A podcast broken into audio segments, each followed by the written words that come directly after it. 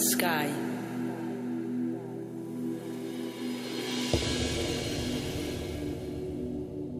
Feel the breeze.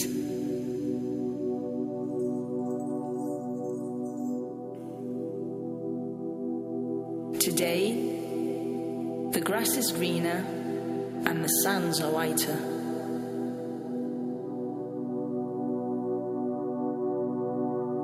The stars will be night bulbs in the sky.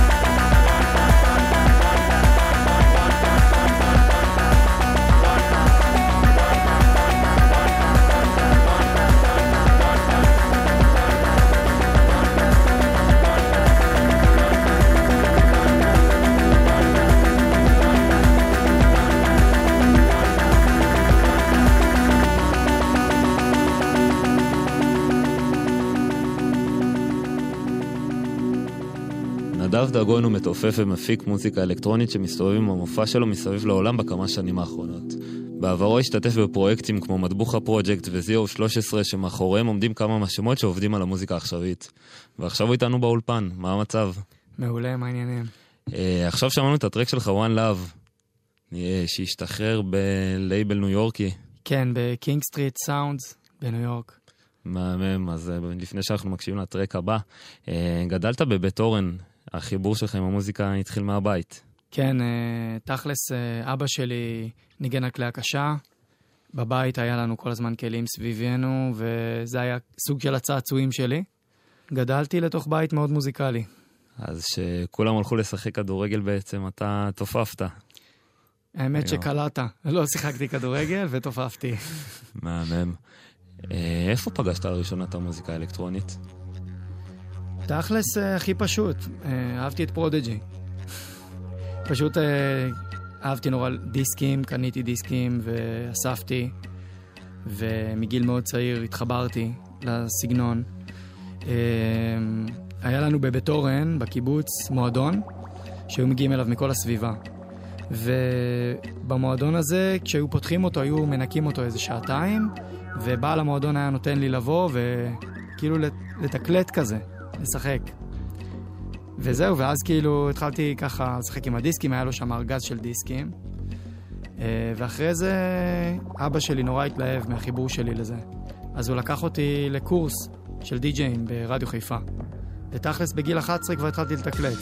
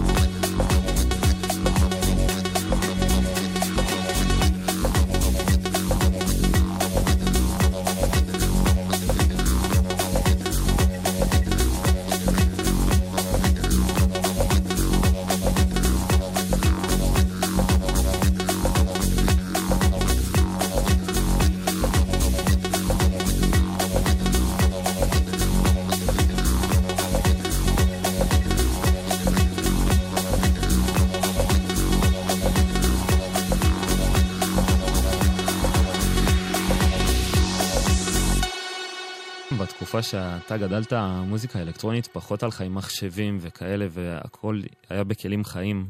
אה, ובעצם הצלחת לעשות את זה גם בפרויקטים שלך, כמו מטבוחה פרויקט וזיו 13. הצלחתם להביא את המוזיקה האלקטרונית בלי להשתמש במחשבים ובעזרים חיצוניים. כן, אני, אני רואה את זה קצת אחרת. אני חושב שבתקופות ההם הכל היה מאוד אנלוגי, ועבדו עם הרבה מכונות וסינטים, וזה היה יותר הדרך אה, עבודה על המוזיקה. אני פשוט מעצם זה שאני אוהב לנגן על, על כלי, אז לקחתי את זה לכיוון הזה, פשוט. וכן, היה לי ניסיון בלנגן על במה, כשיש מולי רחבת ריקודים של מסיבה. איכשהו נקלעתי לזה, אני אפילו לא מבין איך כל כך זה קרה. ויום אחד, אה, אחד מהמפיקים של מטבוחה פרויקט, אה, שזה אודי בן כנען, שהיה לפני זה בלהקת שבע, הוא ראה אותי בפסטיבל אינדיגו הראשון, ובא אליי אחרי ההופעה, אמר לי, אני רוצה לדבר איתך. Uh, זהו, ואז נכנסתי למטבוך הפרויקט, וניגנתי שבע שנים בפרויקט. Uh, הם כמו המשפחה שלי, זה היה ממש בית גידול בשבילי. לגמרי, עדיין השמות שהיו שם, הם עובדים על המוזיקה העכשווית וכל מה שקורה עכשיו במוזיקה, כמו שלומי אברץ וכאלה. נכון. Uh, בזיו 13 זה בעצם פרויקט שהתחיל בכלל ב-2011, ועשיתם מוזיקה שהיא קצת יותר עתידנית, כאילו, כיוונתם ל-2013. Uh, האמת שכן, היה את כל התיאוריית קונספירציה הזאת על 2012, ואמרו שכאילו, זהו, העולם יימחק בראשון לראשון 2013. אז אמרנו, אנחנו 2013, וכשהעולם מתמוטט, אנחנו נוכל להמשיך לעשות רייבים עם כלי נגינה, כי כל המחשבים יקרסו. לגמרי, אז בעצם כל המוזיקה שלכם הייתה בלי מחשבים. זו הייתה הפקה אלקטרונית, אבל עם פחות עזרים חיצוניים. כאילו, הסאונד האלקטרוני הגיע הרבה מדידג'ים, כאילו, סינטי, הוא היה מחובר דרך ווקודר וסינתסייזרים שניגנו ב live. אבל לא היה כאילו מחשב בכלל. ההקלטות זה הקלטות, פשוט הקלטות של להקה מנגנת. אני חוזר רגע למטבוחה פרויקט, בעצם לאט לאט התקדמת שם, ובסופו של דבר היה לך עשר דקות שלמות של סולו תופים בכל הופעה. היה לי הרבה מקום שם להתבטא, ובאמת... אה, כל הזמן הצטיידתי בעוד uh, עזרים בשביל שאני אוכל uh, לבטא את עצמי, והם עזרו לי גם להצטייד. Uh, ולאט לאט הסולו שלי הפך להיות יותר ויותר אלקטרוני, עד שהוא נהיה מין טרק כזה בתוך ההופעה. אנחנו עוברים איזה מסע בזמן, כשהתחלת עם הפרויקט הסולו שלך, נדב דגון, ההופעה הראשונה שלך הייתה בפסטיבל סאן בהונגריה. איך, איך הגעת לזה? אז uh, יש לי להקה אונוגנה, הרכב שהוא טריו, שתי נגני דיג'רידו, אני על תופים, פשוט נותנים בראש. היינו מנגנים הרבה במסיבות, יותר של טראנס כזה, בסגנון הזה, והזמינו אותנו לנגן בפסטיבל הזה. והמפיק של הפסטיבל התקשר אליי, אמר לי, תקשיב, נדב, אם יש לך רעיון לעוד איזה תוכן שאנחנו יכולים להביא, משהו קצת יותר מעניין. אה, אז אמרתי, יאללה, אחד מהחבר'ה שלי נתן אה, כיתת אומן על פנטאם, ואני אמרתי, אני אעשה איזה מסע בזמן כזה, שהוא מתחיל מכלי הקשה אפריקאים, לטינים, עם כל הביטים שהיו פעם, וזה אותם מקצבים על, על בעצם על סמפלרים אלקטרוניים, עם סאונדים עכשוויים, ואז זה פתאום, אותו מקצב נשמע כמו מסיבה. חצי שעה של כיתת אומן כזאת. ואז הגעתי לשם, עשיתי את זה, והיה שם בחור מבודפסט שאמר לי, בוא תעשה את זה אצלנו גם, במועדון. ושבוע אחרי זה כבר ניגנתי עם זה בבודפסט במועדון, ומשם התחלתי להתגלגל עם הפרויקט. ובעצם הפרויקט סולו שלך, נדב דגון, בעצם כבר היה לך איזה אלבום מוכן כזה. כן, נכון. אה, בתקופה של 2013, של הלהקה, של זיו, אז uh, הייתי uh, כבר בתהליכי uh, אפייה מתקדמים.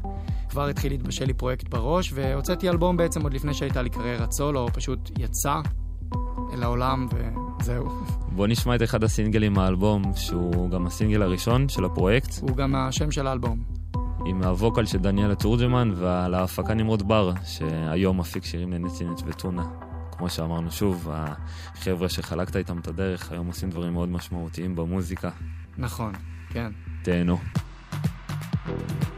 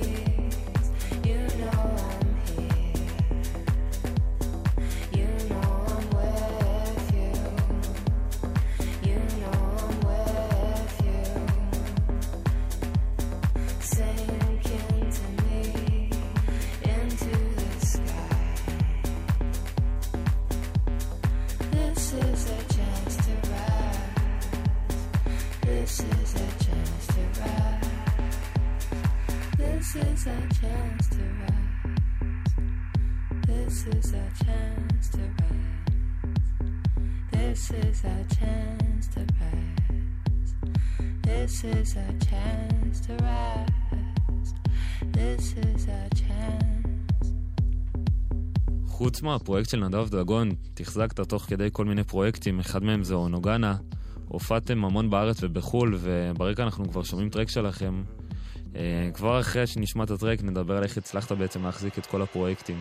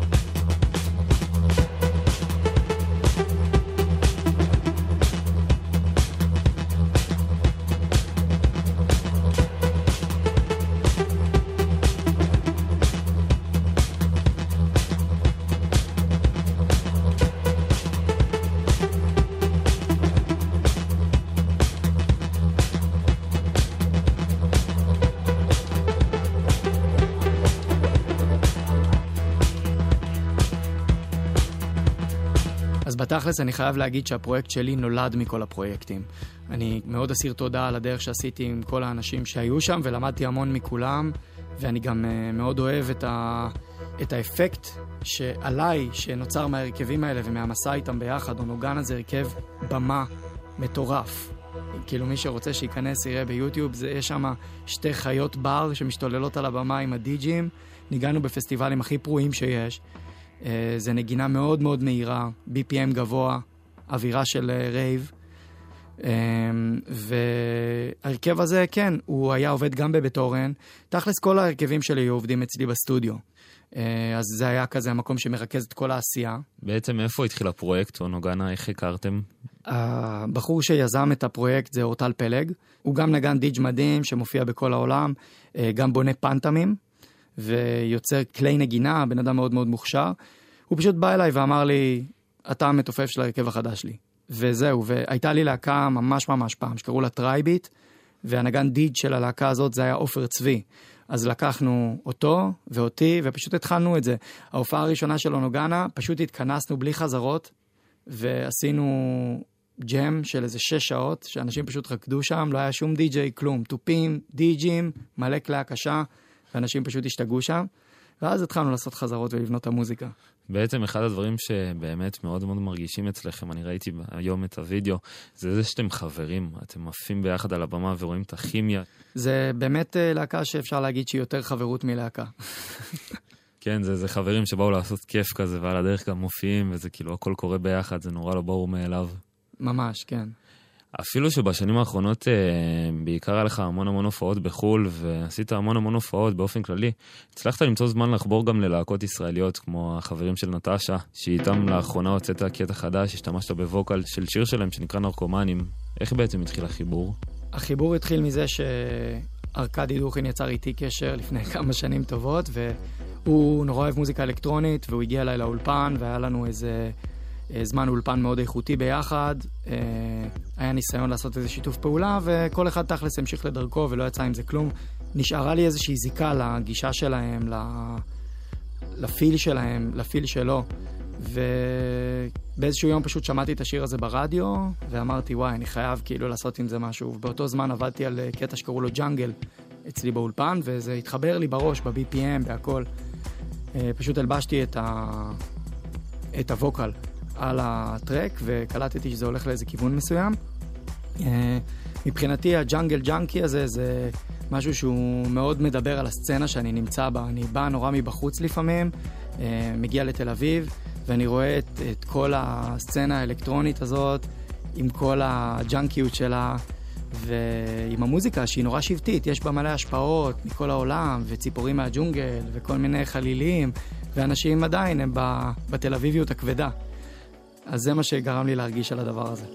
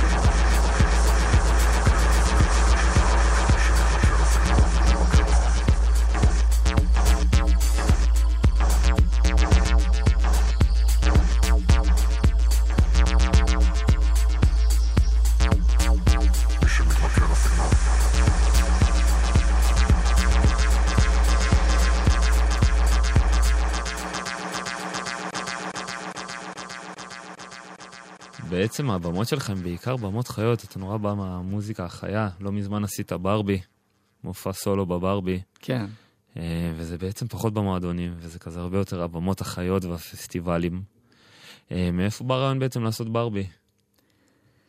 אני חושב שאומנים שמנגנים מוזיקה חיה בארץ, אז יש להם בראש, כל אחד עם הכיוון שהוא בא, יש כזה שיש לו זאפה, יש כזה שיש לו ברבי, יש כזה שיש לו רידינג, אבל אה, יש לכל אחד מאיתנו, אומני ה live, את ה...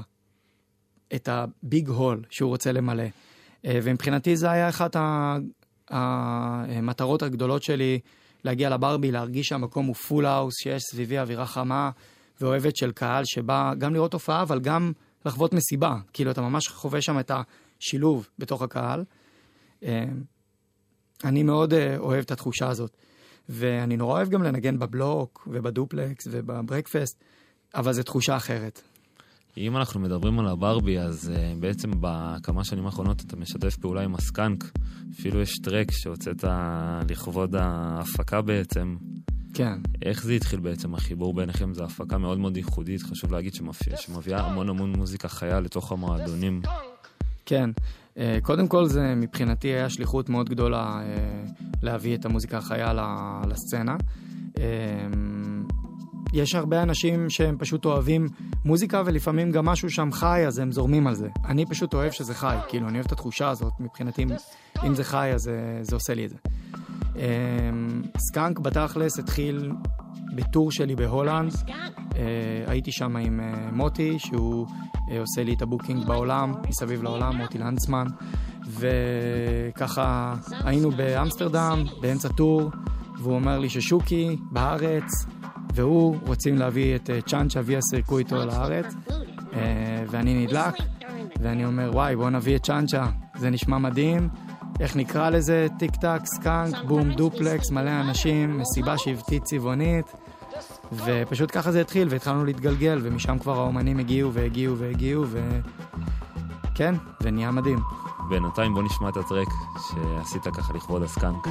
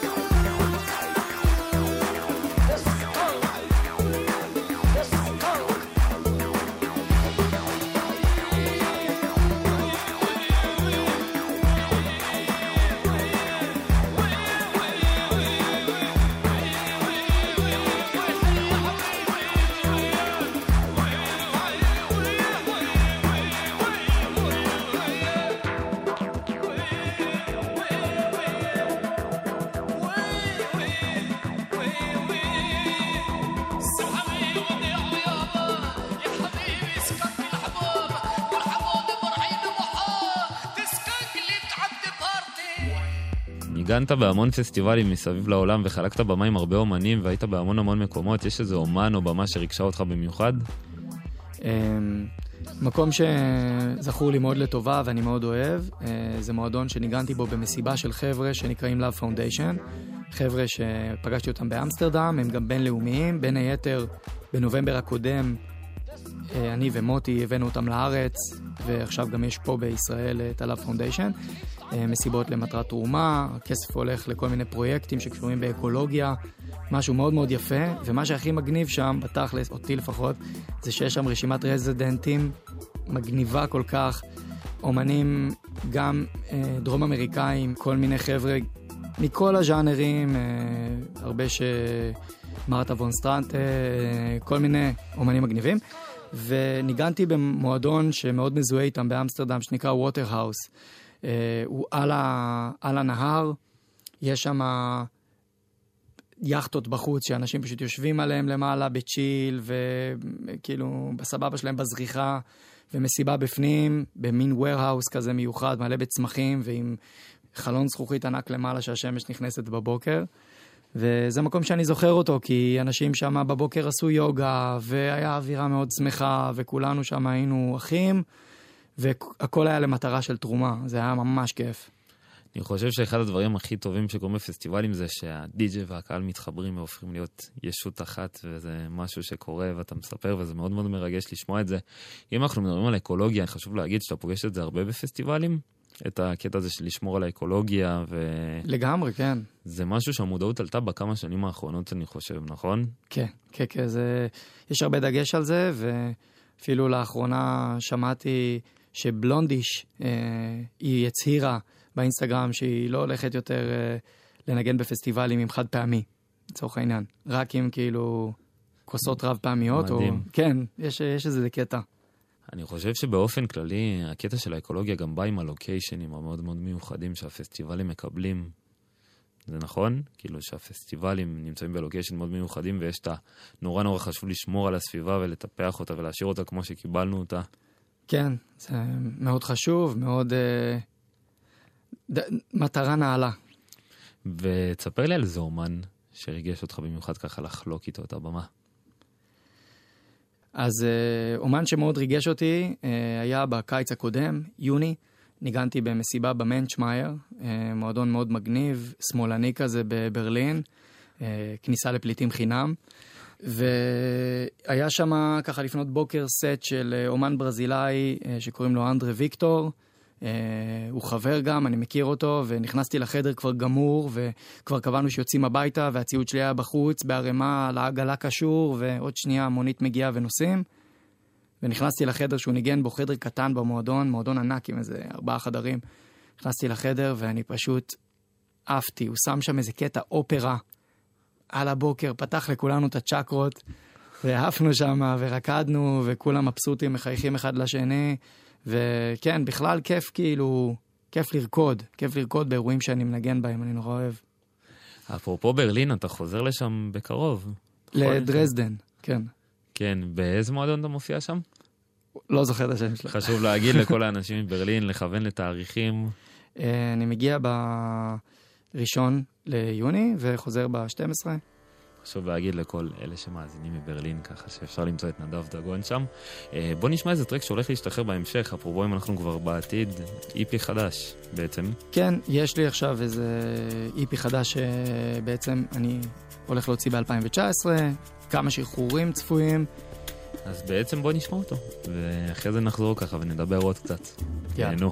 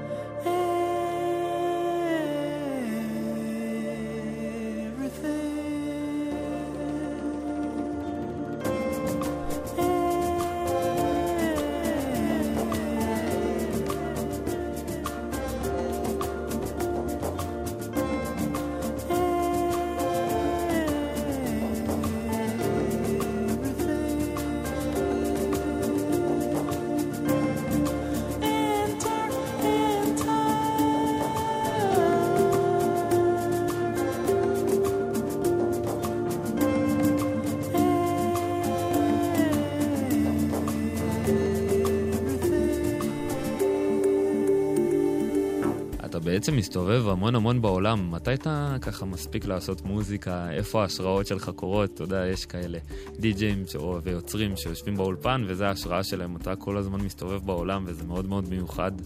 אה, איפה אתה פוגש את ההשראות שלך? אה, זה נכון, אני פוגש הרבה השראה במסעות, הרבה ממסיבות שאני נמצא בהן, או מחוויות, נופים, שיחות עם אנשים וכל מיני דברים כאלה, גם כל מיני חוויות שמגיעות על הדרך. וכן, אני מאוד אוהב להיות בבית וליצור, יש לי שם הרבה השראה, האולפן שלי נמצא בפתחת יער הכרמל, בבית אורן. space מאוד גדול ומרווח, כשאני מעמיד שם את התופים עם ה setup שלי, יש לי שם מערכת שהיא בגודל של מסיבה, אני יכול לעשות לעצמי מסיבה ולחוות את, ה, את המוזיקה בשיא עוצמתה. אה, וכן, לשבת באולפן וליצור, ואני חושב שמהמסעות שלי בשנים ה...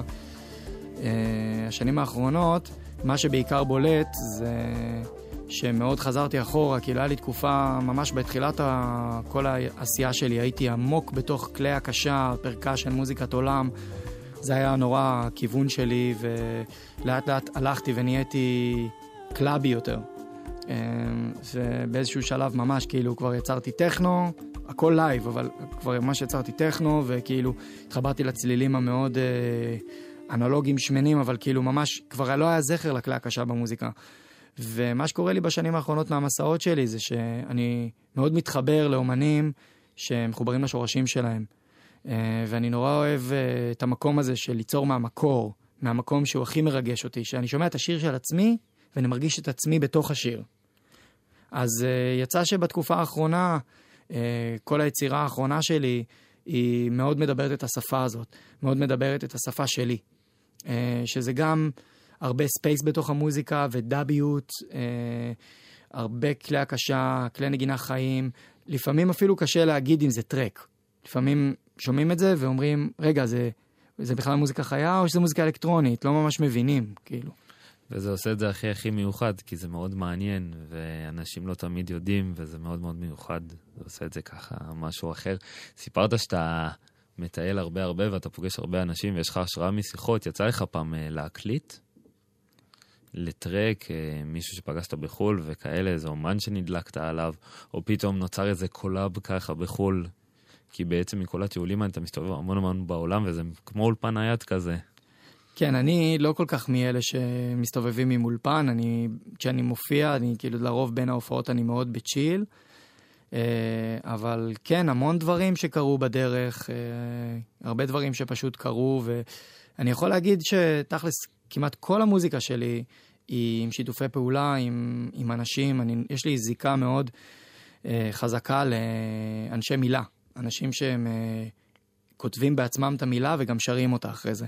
ובתוך המוזיקה יש לי הרבה ווקלים, אני מאוד אוהב את זה, לא כי אני חושב שזה מגניב מוזיקה אלקטרונית עם ווקל, אלא אני פשוט אוהב שירים, אני אוהב את המבנה של שיר. אה, אפשר להגיד שנגיד בשיר הקודם ששמענו, עם אייל שוורצמן, שהוא חבר יקר והוא אה, שותף להרבה מסעות שלי. אה, הוא ממש בן אדם שאני מרגיש עליו, הוא כזה שהוא נומד, הוא נווד. הוא מסתובב עם הגיטרה על הגב, ואיפה שהוא מתיישב, הוא מביא את עצמו עם המוזיקה שלו, וזה משהו שנורא נורא אהבתי ביצירה איתו. מעולה, אז בוא נקשיב לעוד איזה טרק שייצא ככה בהמשך.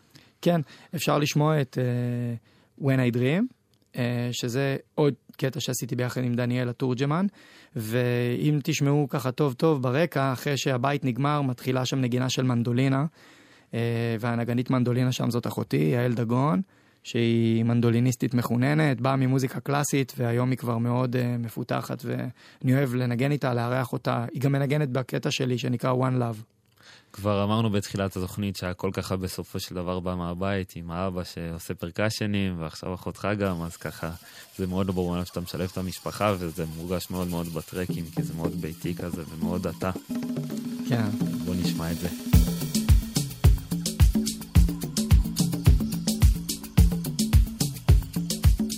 אנחנו כבר ממש לקראת הסוף, ואנחנו ב special פסטיבלים בשעתיים האלה. אתה חלק מפסטיבל אורגניקה, שהולך להתקיים מה-27 עד ה-29 לשישי בבארבי תל אביב.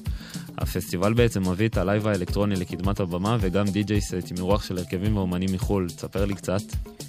אה, כן, אז קודם כל זה שיתוף פעולה מאוד מרגש של אה, כמה גופים שהתאחדו ביחד, ואנחנו באמת עושים באמת את המיטב להביא לכאן את ה top של המוזיקה האלקטרונית החיה אה, לארץ, שזה משהו שאנחנו גם מאוד חסר לנו, וחוץ מזה גם אין פה בארץ הרבה פסטיבלים אורבניים. בחו"ל יש מלא סיטואציות שיש פסטיבל שלושה ימים במועדון, ופשוט כל ערב יש הופעות, ובארץ זה יותר, כשיש פסטיבל אז נוסעים ליערות מנשה ונמצאים שם שלושה ימים, או למדבר, לאינדינגב.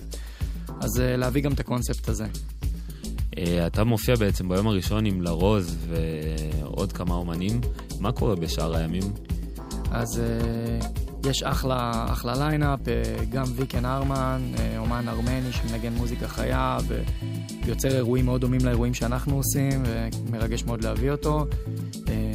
DOP, הרכב צרפתי, חיות במה, שאין דברים כאלה, יש הרבה מה ללמוד מהם. Stimming, שהוא אה, עולה לנגן ב live, הוא מה, מהדור המייסדים של Diynamic, אה, הלייבל של סולומון וכאלה. אה, ומונליטי, שזה הרכב שאנחנו כזה מאוד אוהבים ושמחים שהם מגיעים לפה, טורקים שמנגנים על כלים אתניים ומיוחדים וזה. ועוד אחלה אומנים ישראלים, חיים, ממדים ואלה גוטמן, וקיצור. בקיצור, חגיגה. כדאי מאוד להיות שם, וזה גם שלושה ימים, עוד פעם, כמו שאמרנו מקודם, שלושה ימים של פסטיבל שבעצם לא נשארים לישון, זה כל יום חוויה אחרת ונותן איזה משהו אחר כזה, זה מאוד לא ברור מאליו, וזה לפי דעתי אולי בין הפעמים הראשונות שזה ככה משהו ברמה הזאת קורה. מסכים איתך. את כל המוזיקה ששמענו היום אפשר למצוא בסאונדקלוד שלך, ואת ככה מה שלא יצא, אז כמובן שיוכלו לשמוע בהמשך. אה, כמובן שגם ביוטיוב ובאתר שלך בעצם. ביוטיוב אפשר למצוא כמה וכמה הופעות שלך בכמה... אני ממליץ על היוטיוב, כי זה כיף גם לראות. נכון, זה לגמרי מכניס, אני ראיתי את זה היום ואתמול וגם לפני יומיים, וזה ככה כל פעם ככה נורא נורא ריגש אותי. כיף לשמוע. אז אה, איזה כיף שהיית פה היום. וזהו, תודה רבה רבה. תמשיכו ליהנות מהלילה, אנחנו ניפגש בשעה הבאה. תודה.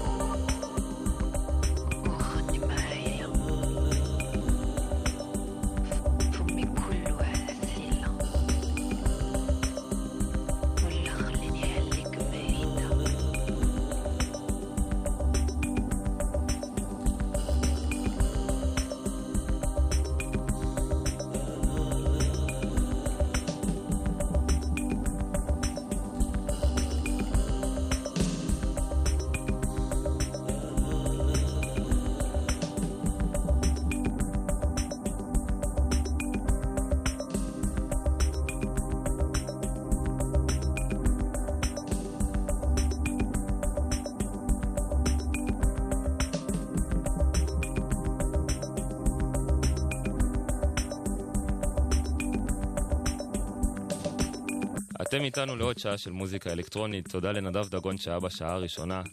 חיים אביטל, הידוע גם בכינויו חיים, או צ'יים, תלוי איפה שואלים, הוא מוזיקאי יוצר ודי-ג'יי תל אביבי, עם קו מוזיקלי מאוד ייחודי, אורח קבוע בפסטיבלים מסביב לעולם, כמו ברנינגמן, GTTL, BPM, ועכשיו הוא איתנו באולפן. מה שלומך?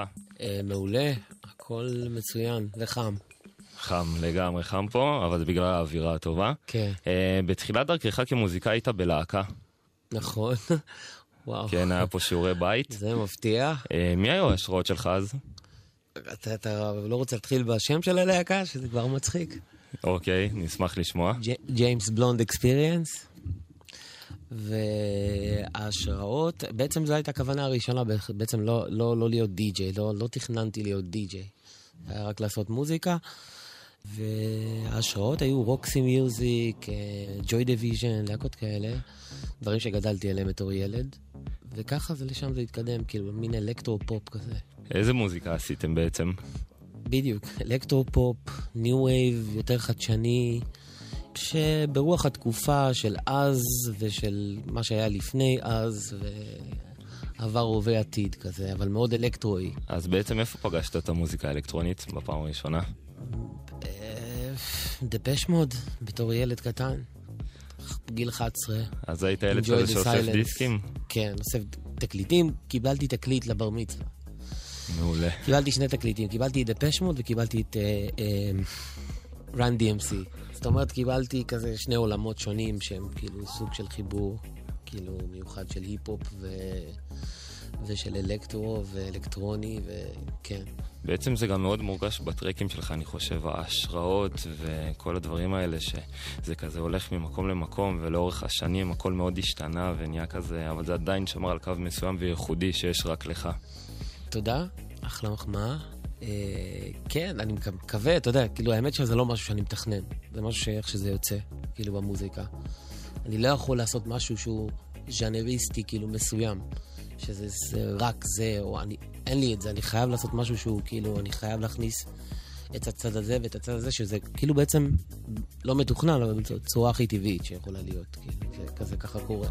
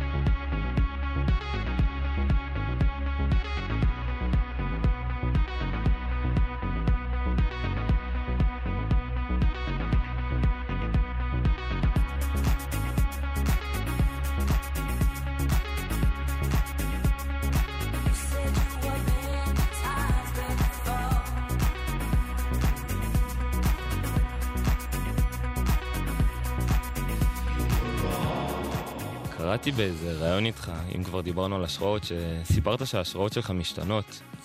סיפרת שבאותה תקופה הייתה לך השראה מאיזה שף בתל אביב שמדבר על אוכל וחפצים אה, דוממים בצורה פואטית. מי זה יכול להיות? אייל שני? הוא. זה היה, זה, לא זוכר לפני כמה זמן זה היה הרעיון הזה שדיברתי על זה, אבל זה, כן, זה היה, זה היה עוד פעם, כמו שאמרת, כאילו, תקופות מסוימות, השראות שונות, והיה איזה רגע ש... אתה יודע, ראיון זה משהו שהוא כאילו מאוד... אה, זה מהרגע להרגע, זה לא עכשיו אתה... אתה עונה כאילו מה שאתה מרגיש. מבחינתי גם, כששואלים אותי שאלה לגבי מה שאני עושה, כאילו זה גם כמו יצירה בעצם, באותו רגע מה שאני עכשיו, כאילו מה שראיתי בחוץ, גם אם המסבכה בחוץ עשתה לי איזה השראה, אני אגיד לך את זה. ויש מצב שזה היה קורה. אז כאילו, באותו זמן כן, היה איזה, הייתה תקופה שראיתי איזה תוכנית של אייל שני, ואני מכיר אותו גם קצת, וזה כאילו, הצורה שבה הוא מסתכל על דברים, כן, מאוד מאוד, כאילו, עשתה לי איזה משהו, כאילו, אני מאוד מתחבר, כאילו, לאיך שהוא רואה את הדברים, גם כשהם נשמעים קצת חרטא, אני חייב להגיד. אז בעצם אתה כל יום סופג השראות חדשות ומוציא את זה בעצם באולפן, אפשר להגיד. תמיד, מכל דבר. גרת והופעת בעצם במקומות מסביב לעולם. אני חוזר רגע למה שאמרתי מקודם, הקו של הקטעים שאתה משחרר אה, משתנה. זה בעצם סיכום של תקופות בחיים, מקומות שראית, אנשים שפגשת. לגמרי. אם זה לא היה קורה, הייתי, הייתי פורש מהמקום הזה של לעשות מוזיקה. כי כמו שאמרתי, אתה בדיוק דיברת איתי בדרך, דיברנו מקודם טיפה סתם אה, משהו כזה, כמו רקע כזה, שאמרת לי פעם היית שם, היית זה, דיברנו על תקופות ממש מוקדמות. אמרתי לך, לפעמים אני מסתכל אחורה וזה מרגיש שזה לא הייתי אני אפילו. אז זאת אומרת, כאילו, אני מאוד חי את התקופה כל הזמן. אני, כאילו, זה מוזר לי שאני להסתכל עכשיו עשר שנים אחורה, כאילו, לכל מיני סיטואציות, כל מיני מקומות שניגנתי בהם, כאילו, זה אני, כאילו, זה מוזר, כאילו, אפילו. כי אני כל הזמן חי את התקופה שאני, שקורית עכשיו, כאילו. כאילו, תמיד אני מתחיל מחדש. ככה אני רואה את זה. וחשוב להגיד שעכשיו יש לך בעצם איזו התחלה חדשה כזאת בארץ, כי אתה הרבה הרבה שנים לא היית פה. נכון, והאמת שהחזרה שלי לפה היא מעולה. הכל כאילו קורה ממש לטובה, כאילו מבחינת, קודם כל מה שקורה בארץ מבחינת, מבחינת הסצנה, מבחינת התרבות. אה, במיוחד, אני לא אומר תרבות, אני לא רוצה להתעסק בדברים שאני לא מבין בהם, אבל, אבל מבחינה מוזיקלית, קורה פה, מבחינה אלקטרונית, מוזיקה אלקטרונית, המדינה פה נותנת את הטון, כאילו לגמרי. כאילו, מה שקורה בעולם, כולם מסתכלים על מה קורה בישראל כרגע. זה אחת התקופות, ושלא יספרו לכם סיפורים של לא מה שהיה פעם, מה שקורה עכשיו זה הכי טוב שהיה. ומי שאומר אחרת, אני חושב שהוא טועה. וכי אני הייתי גם בפעם, ואני הייתי גם עכשיו, וזה לא קשור, כאילו, הצלחתי גם פעם, וגם עכשיו הצלחתי, ועכשיו זה הכי טוב, מבחינת כולם. לכולם, לדי-ג'יי מקומיים יש יותר עבודה, הכל קורה, פתאום יותר אנשים אוהבים את המוזיקה שלנו. מתי זה קרה דבר כזה? מתי? כאילו, שאתה יכול לנגן בחיפה, לנגן בבאר שבע, לנגן בזה ובתל אביב, והכל גועש וקורה וקופץ, כאילו. אז אה, אנחנו חיים בתקופה, כאילו, שאנחנו צריכים להעריך אותה, לדעתי. חשוב מאוד להגיד שבעצם גם בארץ עכשיו יש פה ימי שלישי בשני מועדונים מרכזיים בארץ. מטורף. שמנחיתים פה אומנים מחו"ל כל שבוע עם booking ישראלי, ויש booking ישראלי מאוד מאוד מכובד, כאילו יש אומנים שנותנים, כאילו, שנותנים במה.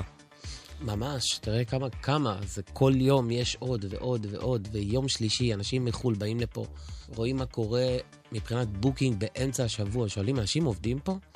2,500, 3,000 איש בשל... ביום שלישי? מה קורה פה?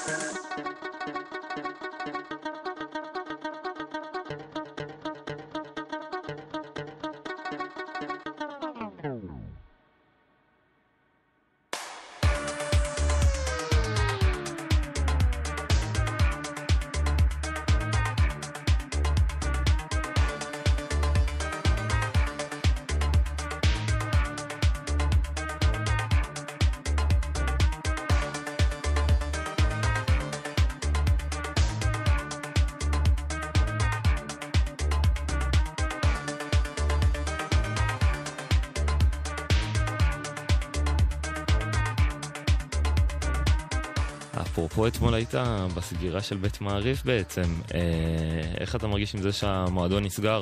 עצוב, האמת עצוב. זה מועדון שהכי הרגשתי, לפחות באופן אישי, זה, עדיין, כשאני מנגן זה עוד גיג, אבל למה שיחסית למה שקורה בארץ, אחד המקומות שהכי נותן לך לשחרר, ממש לשחרר כאילו עד הסוף, בלי הגבלות. מבחינת להתפרק, להת... לנסות דברים חדשים. אני אוהב את הבעלים, האנשים שהיו מארגנים את כל... היה אווירה מאוד משפחתית שם. נכון, הם בעצם נכנסו למקום הזה בידיעה שהמקום הולך להיסגר מתישהו בשנים הקרובות, הם לא ידעו מתי, ומה שהם עשו בעצם זה להנחית פה מלא מלא אומנים גדולים ולהביא לפה כל הזמן שמות, וזה מאוד כזה סיפק את הקהל ועשה משהו מאוד מאוד מיוחד. גם שבבית מעריב הם נתנו במה בחדר השני להמון אומנים חדשים, אני חושב שזה פתח אותם להמון סוגי קהל וגם להמון אנשים שמסתובבים בבית מעריב, כי זה בעצם מועדון חזק.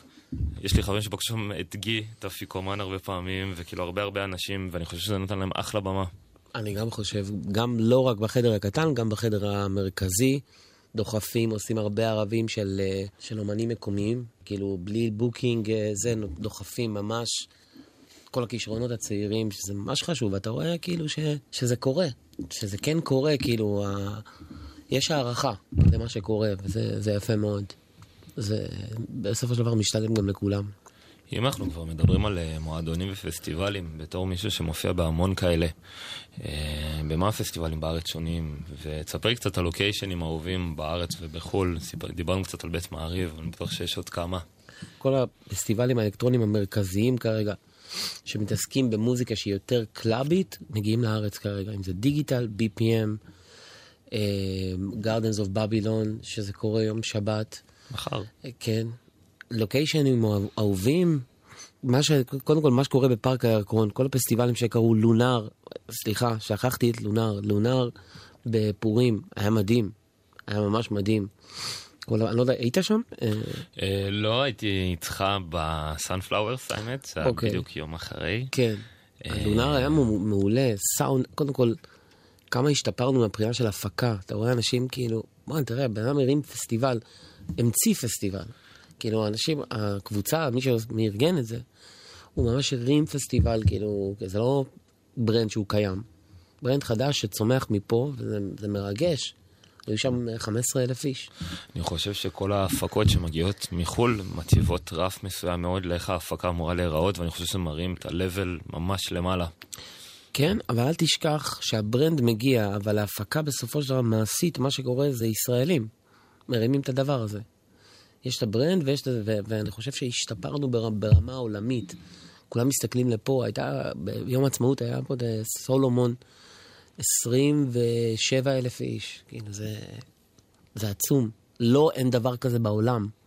אין לו, אין, לסולומון לא מנגן בשום מקום שיש בו 27, 27 אלף איש, זה... אני חושב שה booking נורא נכון, ואיך שהם מוכרים את הכרטיסים, פרסמו את זה בצורה מאוד מאוד נכונה לאורך כל הדרך, והפרסום, ואיך שהם הציגו את זה, וטלוויזיות וזה, וזה פתאום, עוד פעם, הטכנו כאילו הפך למשהו מאוד מאוד כזה שרץ בטלוויזיה, וסולומון הפך לאיזה סטטוס קוו כזה, שכולם חייבים להיות שם. מיינסטרים. לגמרי, אבל בצורה החיובית, לא בצורה השלילית של, לא. uh, של המילה. לא, תקשיב, אנשים שלא יכולים לשמוע את המוזיקה שלנו פעם, והייתה אומרת, אה, אומרים כאילו אה, דברים כמו, מה זה, זה מונוטוני, זה, זה, זה המוזיקה שהם שומעים. די-ג'אים של חתונות, די-ג'אים שמנגנים היום בבית מעריב, פתאום יכולים להזמין אותם לחתונה לנגן שעתיים אחרי הדי-ג'יי. זה הדברים שאני, מה שאני שומע, הצעות שאני, שאני מקבל, הם בלי סוף, לנג, לבוא לנגן שעתיים בסוף. מתי, בחיים לא קיבלתי הצעה לדבר כזה. נון סטופ, אני מקבל את ההצעות האלה מכל מיני זוגות שמתחתנים, שהיו באיזה מסיבה שלי, שמכירים אותי, וזה, מבקשים לך, צריך לנגן בחתונה שלהם, זה, זה מטורף. זה מראה עד כמה המוזיקה הזאת הכי פופולרית אי פעם שהיא הייתה, כאילו. האלקטרוני הלא טראנס ולא too much, לא יודע מה, כאילו.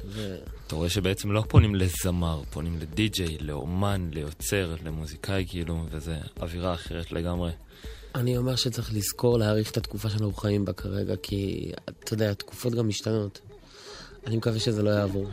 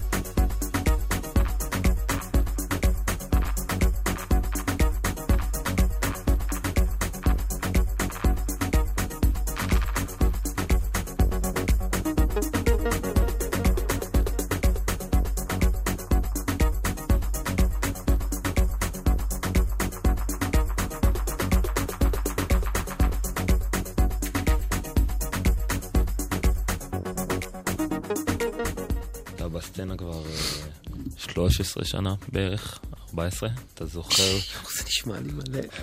אתה זוכר תקופה כמו עכשיו, כמו מה שקורה עכשיו בארץ ובעולם? לא ככה. ב-98 עד 2001 היה כאילו, הייתה תקופה טובה. אני בטוח... אה, אתה מכיר את אלה גוטמן, ברור. האימא של כולנו באיזשהו מקום. ואני חושב שהיא גם תסכים איתי, שזה לא היה ככה. אני מצטער מאוד, זה עכשיו הרבה יותר חזק, הרבה יותר בועט, הרבה יותר מתפשט בכל הארץ. אני ככה חושב. יש הרבה עזרה מהמדיות החברתיות, מכל הזה, שמפרסמים סרטונים ממסיבה, כמו שאפשר למצוא אותך פתאום באיזה סרטון של ערוץ בחו"ל, כזה סרטון, ובום, זה הופך להיות נורא ויראלי. אה, זה קרה למגיד קקון עם סולומון באפטר, שזה כזה רץ במלא מלא מקומות. כן. יש המון המון, זה, אני חושב שזה סוגר המון המון דברים מעבר, ופותח זה אותך נקרא לעוד להיות המון במקום אנשים. הנכון, בזמן הנכון. לגמרי.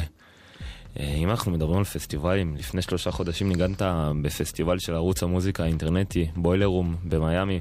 כן. לאלה מהמאזינים שלא מכירים, Boiler Room הוא ערוץ מוזיקה אינטרנטי שהתחיל ב-2010 בתור אה, פרויקט פודקאסטים בכלל. והיום Boiler Room הוא אחד האתרים המשפיעים במוזיקת האנדרגראונד. חוץ מלצלם אה, DJ set, הם עשו גם כמה סרטים דוקומנטריים על הסצנות שיש ברחבי העולם. הגיעו גם לישראל והגיעו גם לעזה, וגילו כזה המון דברים חדשים. אה, וכמו שאמרתי, הם הגיעו לתל אביב כמה פעמים. בחירת האומנים נעשית באמת בקפידה ומושפעת מלמצוא את המוזיקאים הכי רעננים וייחודיים. ספר על החוויה. החוויה, האמת, אה, אחרי כל, השנים שהזכרת, שאני כאילו, זה באמת קצת התרגשתי. אני מודה, רגע, יש איזה משהו כאילו ששמים עליך את התאורה הזאת, כאילו, על הזה, הכל כזה מאוד קורה מאוד מאוד מתוזמן בקטע של הבוילר רום. אין כאילו משחקים של עיכובים, הכל מאוד מתוזמן, ואני לא בן אדם ש- שאוהב שמתזמנים אותו מדי, אבל uh, טיפונת התרגשתי, אבל ב... כשרק התחלתי, כאילו, אחרי, חמש דקות אחרי שהתחלתי כבר הרגשתי ממש בנוח, אז, אה, אז זה היה ממש כיף. האמת זה באמת, כאילו, יש תחושה כזאת שאתה מרגיש שזה לא איזה סט איזה מסיבה. יש איזה משהו שהוא כאילו מעבר. אני בתור צופה נגיד לא רואה את זה כמו שאתה רואה את זה, כי לא הייתי שם. איך זה עובד? כמה מצלמות יש שם? יש עליך תאורה מיוחדת? זה מסיבה כאילו? או שאתה לחצת play כזה, מי ניגן לפניך? איך זה עבד בעצם? זה היה במסגרת, קודם כל לפניי ניגנו Marvin & Guy, ואחריי מוסקומן, חברי הטוב. זה היה בעצם show uh, case של Disco Halal. שאתה מכיר את הלייבל הזה של. מוסקו, שאני בעצם מוציא שם, כבר, יצאתי כבר שני ריליסים שם. ואז זה היה במסגרת כאילו ה showcase הזה. ה showcase הזה היה בתוך הפסטיבל שנקרא 3 Points. שהופיעו שם להקות שאני הכי אוהב בעולם, אחת מהן Beach House, כאילו, אחת הלהקות שאני אוהב. וכל מיני דברים מעניינים שהיו שם. זה מגניב, כי מיאמי היא קצת, קצת טראשית כזאת. ופתאום היה כאילו פסטיבל שהוא יותר מעניין כזה שקורה שם, זה היה, זה היה כיף. אז הקהל שם הוא בעצם לא בהכרח אלקטרוני. זה קהל שבא להמון המון דברים. כן, כן, כן, כן, לגמרי. ו- וכן, כמו ששאלת, מלפניי כאילו הייתה מסיבה. בעצם היה קהל, מסיבה, זה היה ממש מסיבה. אה, במין אה, וניו כזה, נחמד מאוד. ומאחור, אתה יודע, תמיד, זה בוילר רום, אתה יודע, איך זה מאחור, מביאים כל מיני אנשים שרוצים לרקוד למצלמה. שזה גם מצחיק קצת. ובאמת ישבו איתך כאילו על הדקות, בשלב מסוים אמר לך לחתוך כאילו שיר לא? כן, אומרים לך בדיוק עוד כמה? זמן, אוקיי. כן, אומרים לך עוד כמה זמן, אבל כן, כאילו, כשניגנתי, זה התחושה של אני עכשיו מנגן, כאילו, זה.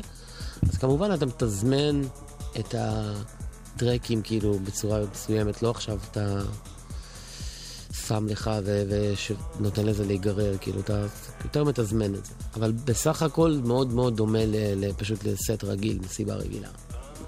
הסט שניגנת שם היה באמת מאוד אה, אמוציונלי ומסע בזמן כזה, היה שם את ה vocal של Rhythm of the Night באיזה שלב מסוים, ככה שמעתי כן. סימפול כזה.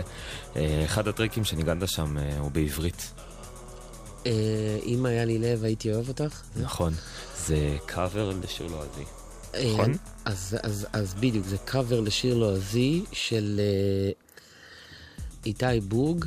זה ווקל שהוא שלח לי ולז'ניה, ז'ניה טרסול. וישבנו ועשינו אדיט, אה, לא אדיט, רמיקס האמת. אה, רמיק, כאילו, אולי זה יצא פשוט כקטע בפני עצמו, עדיין לא, לא, לא הוחלט. וזה בעצם מבוסס, המלודיה מבוססת על הפתיח של הוויקינגים, של הסדרה הוויקינגים. אז uh, זו אותה מלודיה שהוא פשוט כתב איזה מילים בעברית. ועשיתי איזה ביט של טכנו כזה, של יותר כאילו, אבל זה, אנשים כאילו זה נתקע להם בראש הדבר הזה. אני, כל מסיבה שהייתי איתך שמעתי את זה ואמרתי, וואו, כאילו, מה זה הדבר הזה? איתך בכמה מסיבות. הוא, יש לו קול מדהים, גם בחור חמוד מאוד. זה גם נורא כיף לשמוע את זה בתור קהל ישראלי, פתאום איזה vocal בעברית שאתה לא מכיר כאילו, כן. ופתאום זה בא לך בהפתעה מוחלטת ואתה גם מכיר את זה מאיפשהו, כי זה טיפה כן מקום. קייב כזה קצת, אה, כן. אני מאוד אוהב את זה, כן. צריך להחליט האמת מה, מה עושים עם זה. אם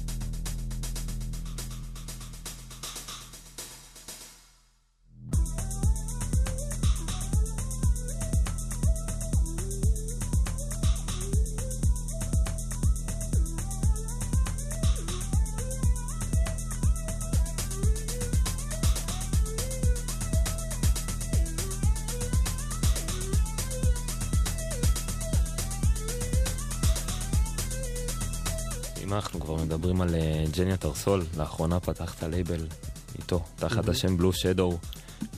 שם שחררתם רימיקס שאתה עשית לטרק של ג'ניה עם ג'ינגה, כן, ואת ה vocal שר דיוויד קנטן, כן.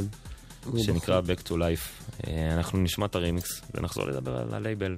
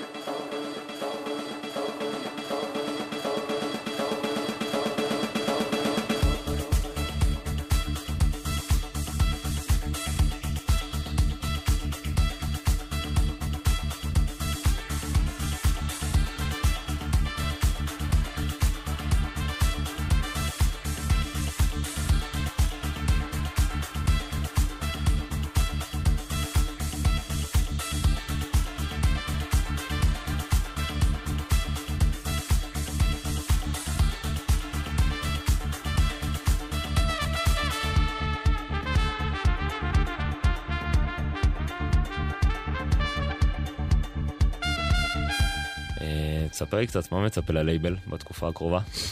אז הלייבל, אה, הולכים להיות בו הרבה ריליסים אה, מעניינים. הריליס הר- הראשון היה של אה, ג'ניה וג'ינגה. ג'ניה ומתן אה, מתן אה, ג'ינגה. אה, ריליס שמצליח, עושה טירוף ממש, כאילו, מכירות, אה, צ'ארטים, אה, צ'... בכל מקום מנגנים, בחתונות מנגנים את הקטע הזה. נכון. כאילו, מצחיק, כאילו, מה נהיה עם זה? כן, יש אידית כזה 40 שניות וזה ככה לחתונות. כן. זה כל מיני שטויות. אייל גולן שם את זה במעברונים, נכון. ראיתי איזה משהו, כן, זה מצחיק. אה, כן, זה תפס מאוד מאוד חזק, אבל הקו הכללי יהיה אולי פחות לאיטי, אבל אה, קצת פחות, אבל עדיין כאילו ריליסים, קודם כל הרבה אומנים מהארץ, יש ריליס של אה, יאיר אביב. לא יודע אם אתה מכיר. אותו, אז הוא עושה מוזיקה מדהימה, בחור צעיר, עושה מוזיקה ממש טובה, ממש, יש לו, יש לו יכולות, שאנחנו מאוד מאמינים בו, ויש לו ריליז בסביבו, לקראת סוף הקיץ, משהו לאיטי כזה עם ווקל ש, שהוא הקליט איזה בחור אריתראי שגר פה, וקטע מאוד, מאוד קליט לאיטי כזה, ולי יש גם ריליז שם, אה, עוד אה, חודשיים. והריליז שמתקרב עכשיו זה של אומן מעולה ממש מיוון שנקרא אקונומיסט. Uh, הוא מוציא עכשיו כזה everywhere, כזה inner vision. ו- כן, היה לו איזה שיתוף פעולה עם ג'ניה גם בעבר, אם אני לא טועה. יכול להיות, משהו, יכול כן. להיות, כן. אז הוא עכשיו עשה ריליס כאילו מאוד מעניין, עם רמיקס של Autarkic, אה, ושל אה, מישהו בשם טודוריס, שאני לא יודע איך לבטא את השם משפחה שלו עדיין, אני מצטער. עד הרעיון הבא אנחנו... עד הרעיון הבא, אני אבוא עם איזה, כן.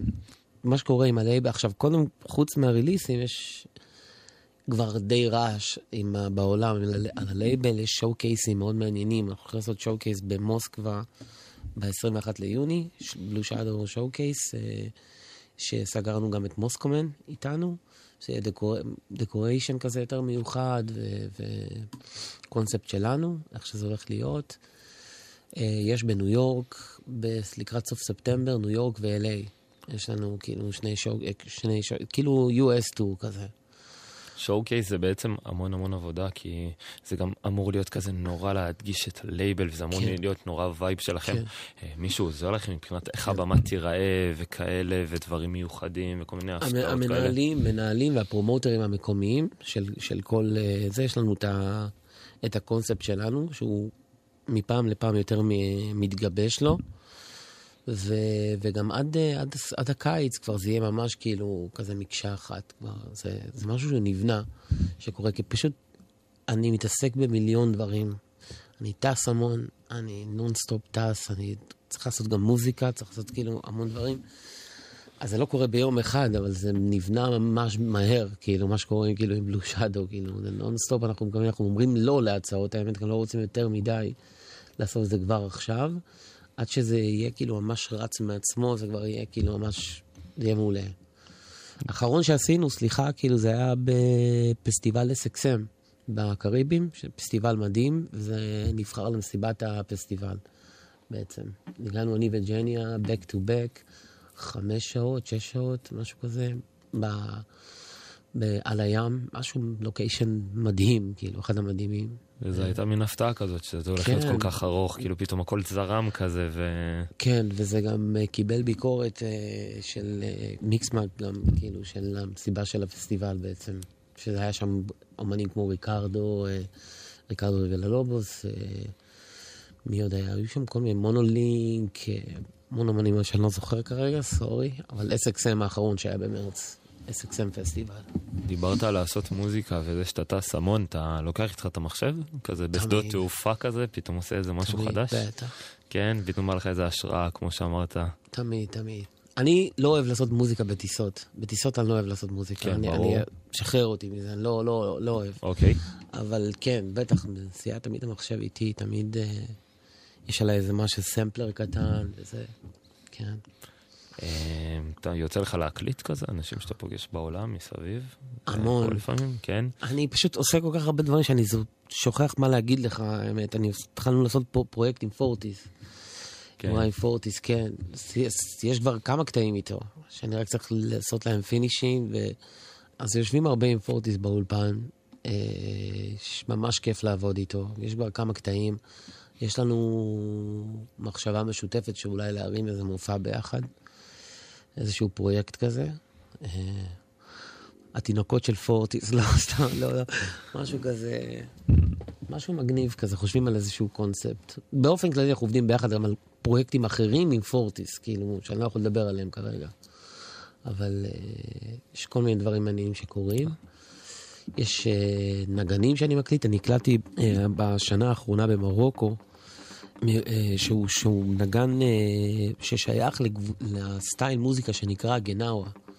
שזה מוזיקה יותר אפריקאית מרוקאית, זה איזשהו זרם כאילו שהוא לא משהו, לא, לא מהמוזיקה המרוקא, המרוקאית ה-ordinary, לא המשהו שאנחנו מכירים, יותר כאילו שבטי כזה, ושמנגן בכלי ממש מיוחד שנקרא גינברי. ש... שעשיתי כמה קטעים, זה בעצם הקטעים, ש... הקטע שהוצאתי ב Disco Halal, האחרון, זה גם חלק מהפרויקט הזה בעצם. ועכשיו יצא לי release, לפני שבועיים, שנקרא גנאווה, נכון. ב Flying Circus. תחת ה-EP Drums Marrakesh. Drums Marrakesh, כאילו עושה את Drum Marrakesh, גנאווה ורמיקס של סאבו, וזה מקום ראשון ב Beatport. ולא בפעם הראשונה, ולא בפעם הראשונה שזה קורה.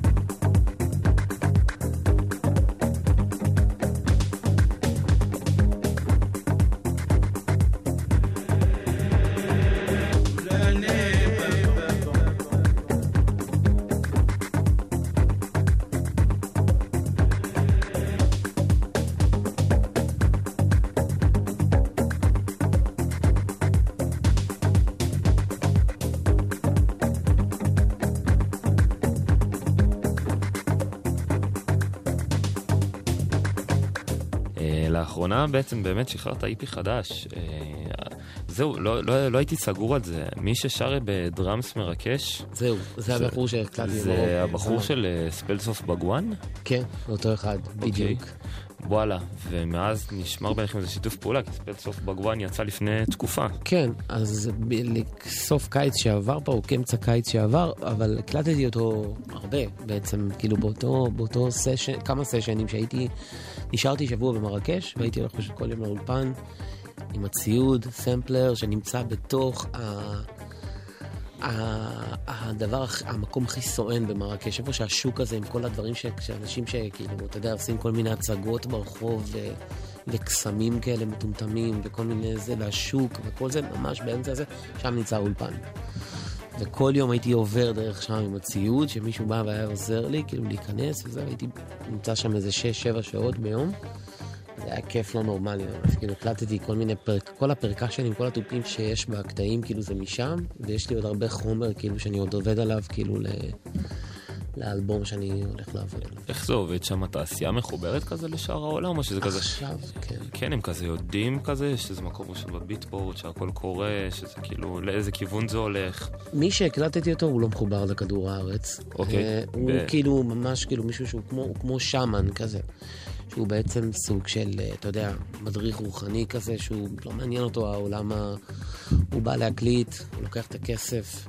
באיזשהו שלב, כאילו מישהו מתרגם לו, כאילו שזה וזהו, כאילו שהוא בכלל נמצא במקום אחר. אבל הסצנה שם מתחילה לקרות, אני בסוף יוני מנגן פעמיים במרוקו, בקזבלנקה ומרקש. ובספטמבר אני מנגן בפסטיבל אוייזיס, פסטיבל שהוא פסטיבל גדול מאוד, ובאוקטובר בפסטיבל שנקרא מוגה, שזה נמצא בעיר מוגדור, מרוקו. אני בקיצור הולך לנגן הרבה במרוקו. והסצנה שם גודלת וגודלת, זה משהו שהם לא חלמו שיקרה והמודעות זה משהו שהוא, מה שקורה עכשיו בעולם, כאילו, זה מה שקורה, זה חלק ממה שקורה בעולם, זה מגיע גם למקומות כמו מרוקו. הסצנה פתאום קורית, יש מקומות, כולם שומעים את המוזיקה הזאת עכשיו. תגיד שהקלטתם בעצם, סיפרת שהקלטתם ליד איזה שוק כזה נורא סואן. איך מצליחים בעצם לשמור על שקט ועל אולפן? כי אתה אומר שזה היה כזה מאוד כזה... רק המעבר לאולפן, כשאתה נכנס לאולפן אין לך רעש מסביב, אבל מגה השראה. אתה יוצא שנייה למפס, אתה רואה מה קורה בחוץ, הגגות האלה, העצי דקל האלה, ש... שאתה מכיר מציורים של מרקש, אתה יודע שאתה רואה את הכוכבים ואת הירח, מאוד מאוד מעורר השראה, כאילו רק לעבור שם, קורה לך משהו. אתה נכנס לתוך ה... אתה... למה שקורה, כאילו מבחינת ה... איך שאתה מקשיב לקצב, איך שאתה מקשיב לתופים, כאילו פתאום האוזן שלך מקבלת איזושהי זווית אחרת. מאוד מעניין. שוב, כמו שאמרנו, העניין הזה של ההשראות כל הזמן חוזר אצלך ומאוד מאוד מורגש. כן, תמיד.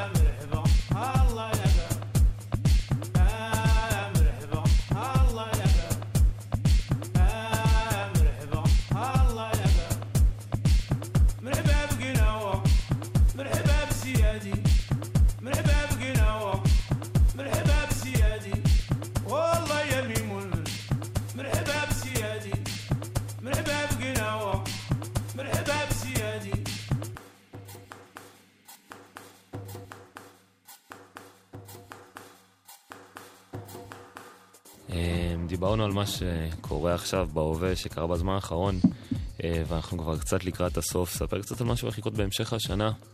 אז אה, בהמשך, קודם כל, יום אה, ראשון הקרוב אני יוצא ל tour של שבועיים לארצות הברית ומקסיקו. זה מתחיל בניו יורק, פסטיבל מאוד גדול, Gather פסטיבל, אני בעצם ממריא מפה ישר לפסטיבל בעצם, כאילו ישר, משהו שקורה ב upstate ניו יורק. יש אה, כמה venue ים מעניינים שאני מנגן, כאילו, פעמיים בניו יורק, LA, סן פרנסיסקו, טורונטו. יש לי כאילו אה, זה, אבל בהמשך השנה, עוד פעם, אני מאוד מתרגש לגבי מה שקורה עם Blue Shadow, שה showcase ים, ה brand מאוד חשוב לי, מה, מה שהולך להיות עם זה, כאילו, זה מאוד מרגש. אה, יש את Burning Man, יש הרבה דברים, אני, אני כבר קצת קשה לי לחשוב על הכל. בעצם ה Burning Man זה חוויה, כאילו המון המון ישראלים מגיעים לשם, קודם כל. ב... נראה לי שבשנים האחרונות אפילו יותר, נכון? אני הייתי לפני שנתיים, ולא רציתי לנסוע כאילו אחרי, כאילו הייתי צריך איזו הפסקה של שנתיים מזה. ו... זה מאוד אינטנסיבי. מאוד, כן. אני חושב ש... אבל, אבל עכשיו אני קצת יותר מוכן. כן. אני חושב שעכשיו אני יותר מוכן, אה, זה צריך לבוא יותר מאורגן, יותר מסודר, יותר... צריך צריך לחוות את הקושי הזה פעם אחת. התקלוט הוא כזה בחול, נכון? כזה דברים עפים. זה כיף, וכזה- זה האמת כיף. אם אין אוקיי. סופת חול, זה כיף. גם בסופת חול, אני תקלט- ניגנתי בסופת חול גם, שזה מדהים גם. כולך אבק, אתה נושם אבק, וזה מדהים. יש משם גם סט מעולה שלך שאפשר למצוא בסאונדקלוד שלך. מי שככה Ocean? לשמוע. כן, אני ראיתי את זה אצלך ב SoundCloud. אז זה באמת ככה, לצערנו השנה אין מידברן בארץ, שזה קצת אה, כן, שמעתי. תקלה השנה. אני מקווה שזה יחזור באמת בשנים הבאות, כי זה מאוד חשוב גם לסצנה. אני חושב שזה גם מביא אנשים מהעולם, זה כן, אומנם באמת גרסה יותר קטנה, שזה, כן. לא הייתי, אבל עדיין זה מה שצריך לקרות בארץ, כזה אם אנחנו רוצים להמשיך להתקדם. כן. אה, אפרופו ככה אמרת על ההמשך, אבל בעצם מחר גם נוכל למצוא אותך ב Polo and Pan, שגם אני אהיה שם בתור בליין כמובן. פולו אנד פן בעצם היו פה בדיגיטל בפעם האחרונה, אני חושב שזה השאיר להם כזה טעם טוב, והם חוזרים לפה שוב מחר. אה, למי זה... כן, אני... די.ג'ים רואים מה ש... שחווים פה חוויה מנצחת, הם רק מחכים לחזור לפה. ואתה רואה שיש הרבה די.ג'ים שממשיכים לחזור, והם... כי יש איזה... שמעתי לאחרונה כל מיני voice note כאלה שרצים ברגע של כאילו אה, פייק כזה של אה, רדיו, של איזה שדרן שאומר חדשות הטכנו. נכון. אז הוא מדבר על כל מיני כאלה שאני לא אזכיר את השם שלהם, שממשיכים לחזור לפה, שכאילו כבר יש להם סאבלט פה.